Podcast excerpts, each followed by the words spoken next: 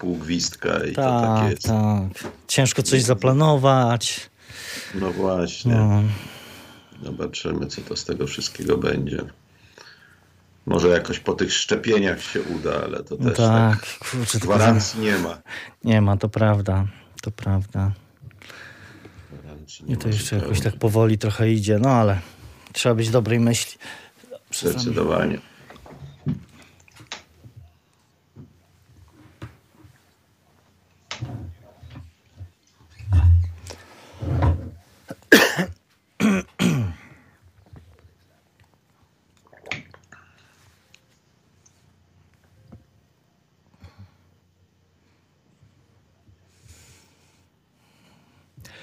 Na zegarze 14 minut e, po godzinie 8 Tomasz nie śpiał przed mikrofonem, a gościem Radia Lublin jest e, profesor Andrzej Podraza, kierownik Katedry Stosunków Międzynarodowych i Bezpieczeństwa Katolickiego Uniwersytetu Lubelskiego. Dzień dobry. Dzień dobry. Joe Biden został e, wczoraj zaprzysiężony na 46. prezydenta Stanów Zjednoczonych. Co szczególnie powinniśmy zapamiętać z tej inauguracji? Poza, poza rzecz jasna tą częścią artystyczną, która wzbudziła chyba nie mniejsze zainteresowanie niż samo objęcie urzędu przez nowego prezydenta. Znaczy, jeżeli chodzi o inaugurację, to są jakby dwie takie zasadnicze e, rzeczy, zarówno jeżeli weźmiemy pod uwagę samą inaugurację, jak i te pierwsze decyzje, które już były e, podjęte w Białym Domu, kiedy w końcu nowy prezydent dotarł do e, pokoju owalnego. Przede wszystkim to jest zmiana stylu. To jest rzecz tutaj taka dosyć zasadnicza. Przede wszystkim dążenie, to co wynika z przemówienia Joe Bidena, dążenie do jednoczenia narodu amerykańskiego wokół wspólnych celów, dążenie do tego, żeby jednak nie było tej przepaści pomiędzy dwoma zwalczającymi się stronami, co oczywiście z góry powiem nie będzie e, proste, bo to jednak e, te No właśnie, on mówi, Joe Biden mówi o triumfie idei demokracji i wezwał do tej narodowej jedności, no tylko e, no wszyscy widzimy, że po także jak rozumiem efekcie prezydentury czteroletniej Donalda Trumpa, Ameryka jak nigdy jest podzielona. E, no i pytanie to zasadnicze, czy to ma szansę, ta, e, to wezwanie do jedności ma szansę się ziścić i, i to wyzwanie e, Joe Bidena ma szansę się jemu udać? A czy to będzie bardzo trudne? To będzie bardzo trudne. No nie ulega wątpliwości, że podziały są bardzo duże. Tutaj oczywiście można się zastanawiać nad tym, czy to one są rezultatem prezydentury Donalda Trumpa. W dużej mierze zapewne tak, ale Donald Trump jest także przejawem tych podziałów, które funkcjonowały wcześniej w społeczeństwie amerykańskim. E, tutaj też trzeba o tym pamiętać, że to e, nie Donald Trump jedynie doprowadził do tych podziałów, ale te podziały funkcjonowały wcześniej.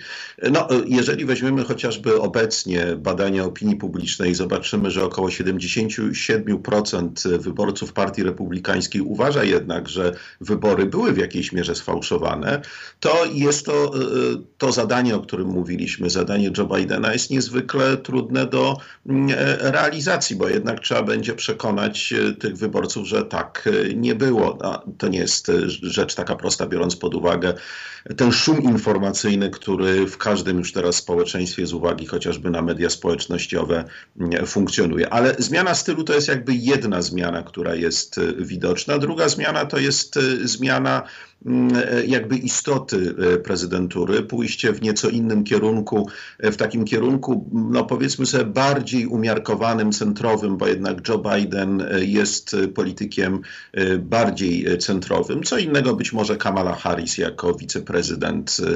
To jednak Joe Biden kojarzy nam się z jakąś stałością poglądów, spokojem, no czasami gafami, tutaj nie ulega wątpliwości, ale to nie ma jakby tutaj większego znaczenia. I widzieli Widzieliśmy, że już te pierwsze decyzje, które były podjęte przez Joe Bidena, zmieniają kurs polityki Donalda Trumpa, chociaż no właśnie te, te decyzje dotyczące y, paryskiego porozumienia klimatycznego, y, kwestia rurociągu y, y w kierunku Kanady, no i kwestia y, polityki względem y, migrantów, no i muru na granicy z Meksykiem. Rozumiem? No tak, i... no to jest, To są te elementy, które, które się e, pojawiły już w tych pierwszych e, decyzjach podjętych lub niepodjętych, bo oczywiście jeszcze niektóre trzeba będzie e, podjąć. Do tego oczywiście też trzeba dorzucić porozumienie nuklearne w sprawie Iranu, do którego Stany Zjednoczone zapewne powrócą. Tutaj to nie chodzi tylko o taką prostą zmianę, tylko mm, o jakby akcentowanie pewnych innych kwestii, które są istotne z punktu widzenia Joe Bidena. No to, co mm, E, widoczne było w jego wystąpieniach w kampanii e, wyborczej, ale także w tym przesłaniu, które wczoraj słyszeliśmy, to jest chociażby e, powrót do bazowania na, tak jak podkreśla to nowy prezydent, na badaniach naukowych. No to jest chociażby kwestia właśnie powrotu do porozumienia klimatycznego. Bazowanie na danych sprawdzonych, a nie na jakichś tam teoriach spiskowych. To, to jest to kwestia kwestia, która jest y, poruszana przez wielu y, y, komentatorów. No i już inne, też mamy pierwsze inne... komentarze, choćby prezydent Francji Emmanuel Macron już wyraził zadowolenie z takiego kierunku między innymi nowego prezydenta. No tak, to nie ulega wątpliwości, jakkolwiek tutaj e, wspomniany rurociąg, e, e, który, ma łączyć, który miał łączyć Stany Zjednoczone i, i, i, Kanadę i dostarczać ropę kanadyjską do Stanów Zjednoczonych, wstrzymanie już zostało w jakiejś mierze oprotestowane przez premiera Kanady, jakkolwiek jest ono też podyktowane względami związanymi z ochroną środowiska. Więc tutaj oczywiście poszczególne działania będą prowadziły do różnych reakcji. Jakkolwiek generalnie rzecz biorąc, e, na razie te reakcje są e, e, pozytywne. No, tutaj wspomniana Europa, bo, bo jeżeli Francja, to i Europa, to jest też jakby taki problem, który, który pojawiał się w tych relacjach Donalda Trumpa z Unią Europejską, ale pamiętajmy o tym, że nawet jeżeli nastąpi zmiana stylu i nastąpi zmiana wielu obszarów e, polityki realizowanej przez poprzedniego prezydenta, to pamiętajmy jednak, że jeżeli chodzi o zasadnicze kwestie, mówię tutaj o polityce zagranicznej teraz, jeżeli chodzi o zasadnicze kwestie, to ta polityka będzie w dużej mierze kontynuacją. To będzie w dużej mierze kontynuacja. E, panie profesorze, jeszcze chciałbym na chwilę wrócić do, do tych podziałów, e, bo ten jeden element gdzieś jeszcze umknął, a, a też był widoczny wczoraj podczas tej inauguracji. Donald Trump można powiedzieć, zerwał e, z tą tradycją, nie wziął udziału w zaprzysiężeniu następcy. Mm, e, zdaje się, jak donoszą e, media, zostawił w Białym Domu list dla Joe Bidena. No właśnie, jak należy oceniać ten gest? Znaczy, no, to jest gest, który z punktu widzenia nas jako obserwatorów jest gestem raczej no, nieładnym, niedobrym. E, jednak trzeba e, tą tradycję kontynuować. Widzimy, że trzech byłych prezydentów e, i to nie wszyscy z partii demokratycznej, bo tam był także George Bush, Bush i Bill Clinton i Barack Obama, niejako zastąpili Donalda Trumpa w sensie takim, że chociażby towarzyszyli prezydentowi na cmentarzu w Arlington, kiedy składał wiązankę pod grobem nieznanego żołnierza. Więc no, to jest oczywiście tradycja, która powinna być, powinna być kontynuowana. No, jesteśmy przyzwyczajeni do takiego cywilizowanego e, przekazania e, władzy. Natomiast e, oczywiście Donald Trump no, nie chciał przyznać, że przegrał te wybory, ale wydaje mi się, że przede wszystkim to jest taki gest e, związany z dążeniem do tego, że no, będzie chciał odegrać jeszcze jakąś rolę polityczną w polityce amerykańskiej. Albo stworzyć własny ruch, własną partię, albo być bardzo mocno obecnym w partii republikańskiej, zdominować tę partię, tak jak to zrobił przez te ostatnie cztery lata, po to, żeby on, a być może ktoś z jego najbliższego otoczenia, no mówi się nawet o niektórych dzieciach, mówi się o politykach związanych z Donaldem Trumpem, mógł wystartować w kolejnych wyborach. I jeżeli e, e, ten nowy, powiedzmy sobie w cudzysłowie, Donald Trump miałby bardziej cywilizowaną twarz, to wtedy e, no, miałby o wiele większe szanse na wygraną. No, zresztą też pamiętajmy o tym, że gdyby nie pandemia koronawirusa, to zapewne mielibyśmy teraz Donalda Trumpa w Białym Domu, a nie Joe Bidena. To oczywiście, no właśnie, to jest jeden z tych elementów absolutnie nieprzewidywalnych, właściwie chyba w każdym kraju, czyli, czyli czynnik pandemiczny i wpływ e, pandemii na, na każde wybory. Co o prezydenturze, czy tym początku, mówi pan profesor o, o zmianie pewnego stylu już widocznego. O tej prezydenturze mówi ta plejada gwiazd z kolei, która, która wczoraj się pojawiła na tej inauguracji. No bo chyba jest tak, że Joe Biden ma e, ogromne poparcie w świecie artystów, w świecie aktorów, muzyków, celebrytów. E, to jest istotne z punktu widzenia jego prezydentury?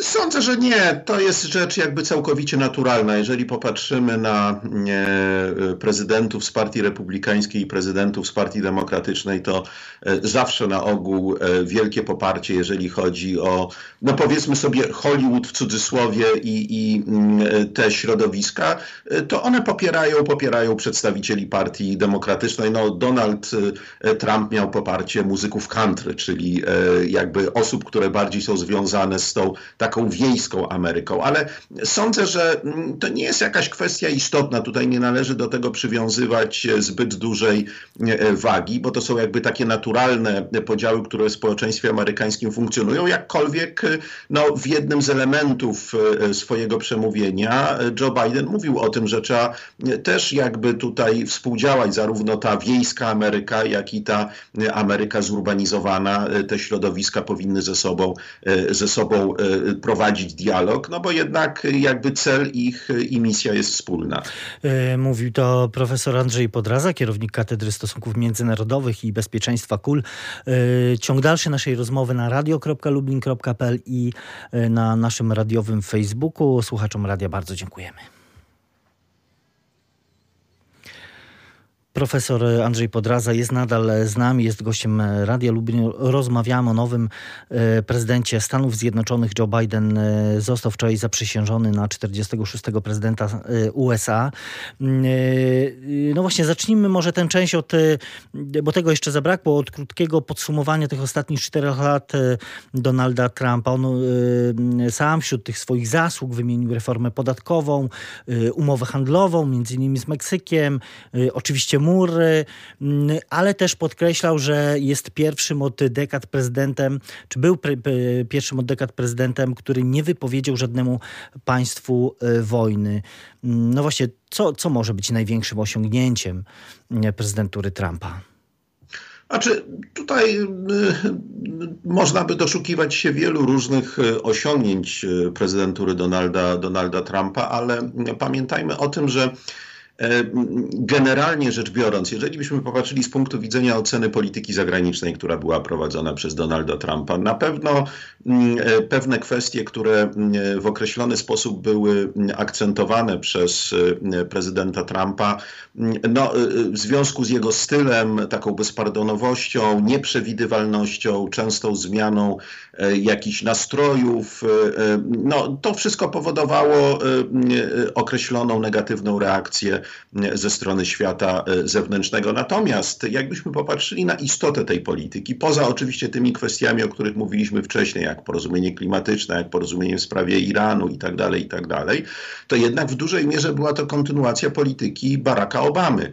Dlatego, że jak e, analizujemy amerykańską politykę zagraniczną, to w zasadzie dojście Obamy do urzędu prezydenta doprowadziło do zmiany polityki zagranicznej. E, polityki zagranicznej, która od tamtego momentu stawia sobie takie trzy zasadnicze cele i one w dużej mierze były realizowane przez e, Donalda Trumpa, czyli po pierwsze wycofywanie się z Bliskiego Wschodu, to już rozpoczął Barack Obama i kontynuował Donald Trump. No i tutaj mieści się ta właśnie kwestia, o której wspomniał pan redaktor, czyli to, że Ameryka nie wypowiada nowych wojen, czyli takie bardzo mm, umiarkowane użycie e, siły zbrojnej. Druga sprawa to jest powstrzymywanie Rosji. Początkowo wiemy, że Barack Obama dążył do resetu z Rosją. To się nie udało z uwagi na tą neoimperialną politykę Władimira Putina i ten ostry kurs wobec Rosji rozpoczął e, Barack Obama i był on kontynuowany przez e, Donalda Trumpa, pomimo tego, że tam wypomina mu się te różne mm, uwagi dotyczące ingerencji Rosji w wybory prezydenckie w roku 2016. I to no, chyba się też tutaj... nie zmieni w czasie prezydentury Joe Bidena, bo już zapowiedziano, że przynajmniej na razie prezydent Biden nie przewiduje choćby spotkania z prezydentem Rosji. Tak, tego, tego na pewno nie, nie przewiduje, ale jest jeszcze trzeci element, niezwykle istotny, który był widoczny już u Baracka Obamy, e, mocno widoczny u e, e, Donalda Trumpa i będzie widoczny u Joe Bidena i u następców Joe Bidena, jeżeli Joe Biden zostanie zmieniony za jakiś czas, czy za cztery, czy za osiem, jeżeli chodzi o wybory prezydenckie, mianowicie strategiczna rywalizacja z Chinami. To jest podstawowe zadanie polityki zagranicznej Stanów Zjednoczonych już te najnowsze, e, nawet e, szacunkowe dane mogą świadczyć o tym, że w roku 2028, czyli jeżeli e, Joe Biden dotrwałby do końca swojej drugiej kadencji, jeżeli wygra tą drugą kadencję, e, to pod koniec jego drugiej kadencji Chiny mogą stać się największą gospodarką na świecie. A Chiny, biorąc pod uwagę także tą politykę, która jest realizowana przez prezydenta Xi Jinpinga, ta polityka takiej asertywności, dążą do tego, żeby stać się supermocarstwem o charakterze światowym i to jest to podstawowe zadanie, dążenie do tego, żeby ograniczyć, ograniczyć rozwój Chin, e, dążyć do tego, żeby jednak e, ten świat był e, bardziej amerykański niż poamerykański. To jest ten problem, który tutaj się pojawia, że, że być może wchodzimy w erę świata poamerykańskiego, w którym będą dominowały Chiny. No i tutaj pojawia się kwestia współpracy z Europą, bo dosyć dużo państwa europejskie mówią o tym, że nowy prezydent, nowe otwarcie, e, multilateralizm i tak dalej, i tak dalej, ale w wielu wypadkach niestety wiele państw europejskich, łącznie z Unią Europejską, e, mają inne podejście do wielu kwestii. Tutaj e, przede wszystkim chodzi o relacje z Chinami, ale także stosunek do Rosji, niż Stany Zjednoczone. I to będzie widoczne także za prezydentury Joe Bidena. Tutaj nie da się łatwo doprowadzić do tego, żeby zasypać tą przepaść pomiędzy Europą a Stanami Zjednoczonymi, bo to nie jest, owszem, różnica stylu będzie widoczna, ale e, to, co jest przede wszystkim istotne, to jest różnica e, interesów, a te interesy, w szczególności jeżeli popatrzymy na Niemcy, którzy bardzo mocno handlują z Chinami e, i nie chcą za bardzo wprowadzać sankcji wobec tego państwa, no to tutaj, tutaj dojdzie na pewno do dyskusji pomiędzy USA a Niemcami.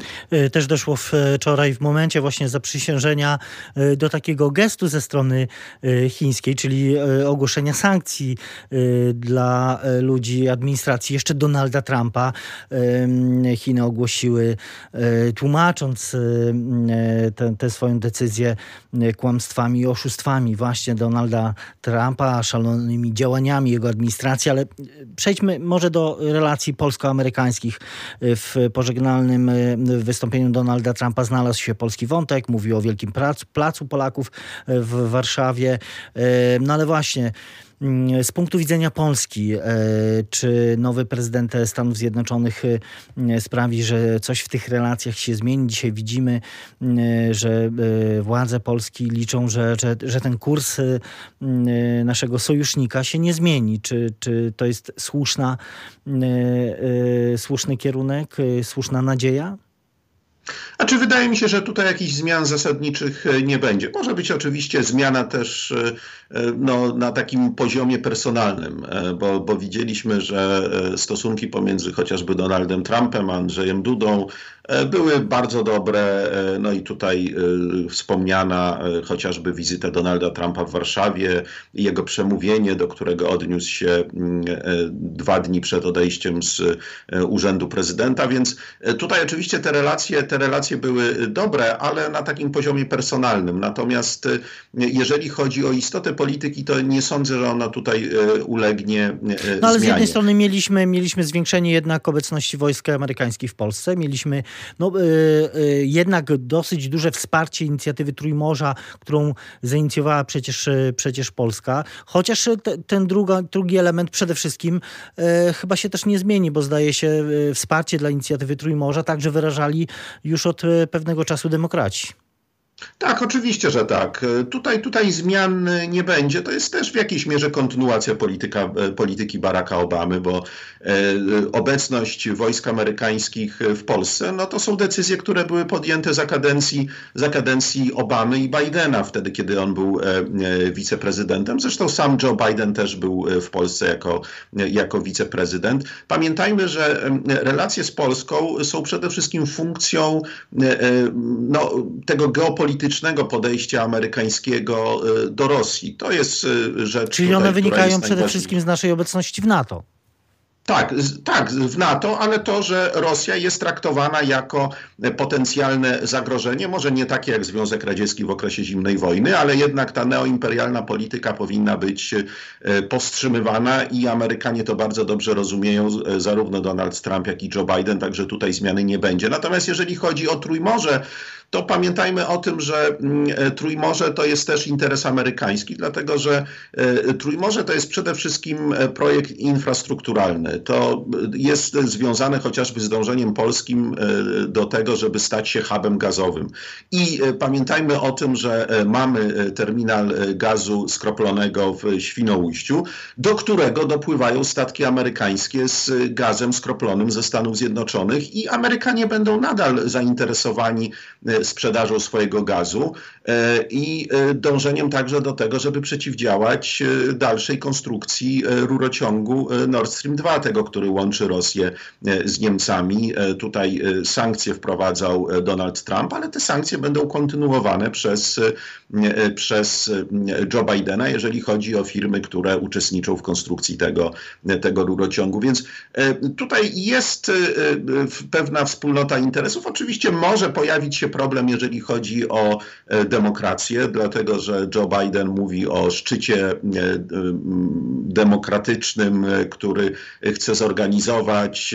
E, więc tutaj oczywiście mogą pojawić się pewne, e, pewne rozdźwięki, ale nie będą one na tyle istotne, e, żeby jednak Polska stała się państwem o wiele mniej istotnym, pobijanym przez Stany Zjednoczone, dlatego że Polska jest potrzebna w tej koalicji antyrosyjskiej, która antyrosyjskiej w sensie powstrzymywania neoimperialnej polityki, polityki Rosji. Pamiętajmy o tym, że bardzo często jak analizujemy politykę amerykańską, to owszem, akcentuje się kwestie promocji demokracji, norm demokratycznych, ale interesy geopolityczne są o wiele, wiele ważniejsze niż tego rodzaju kwestie i sądzę, że e, tutaj może dochodzić do pewnych e, problemów, ale generalnie rzecz biorąc e, będziemy mieli do czynienia z kontynuacją. Rzeczniczka Białego Domu poinformowała też wczoraj o tym, że Joe Biden przeprowadzi swoje pierwsze rozmowy, jak to nazwała, z partnerami i sojusznikami Stanów Zjednoczonych. Czy w tym gronie znajdzie się, powinna się znaleźć Polska? No, powinna się znaleźć, a czy się znajdzie, to zobaczymy. No tutaj, tutaj oczywiście e, trudno jest e, w jakiejś mierze to e, przewidzieć, bo nie znamy planów, e, planów e, prezydenta w tym momencie. E, sądzę, że te plany już w jakiejś mierze są gotowe, bo, bo ten okres na przejmowanie władzy to jest też na, to jest okres przygotowania tych, tych planów, ale no zobaczymy. To, trudno mi jest tutaj w tym momencie spekulować, bo, bo być może tak będzie, być może nie, e, ale generalnie rzecz biorąc e, Polska nie będzie pomijana, jeżeli chodzi, jeżeli chodzi o podejście amerykańskie, no z tych właśnie geopolitycznych, e, geopolitycznych powodów. Jak będzie, oczywiście będziemy to obserwować. Cztery lata nowej kadencji, nowego prezydenta Stanów Zjednoczonych przed nami, a tymczasem bardzo dziękuję za garść analizy i komentarza. Profesor Andrzej Podraza, kierownik Katedry Stosunków Międzynarodowych i Bezpieczeństwa KUL był gościem Radia Lublin. Bardzo dziękuję jeszcze raz. Dziękuję bardzo, do widzenia.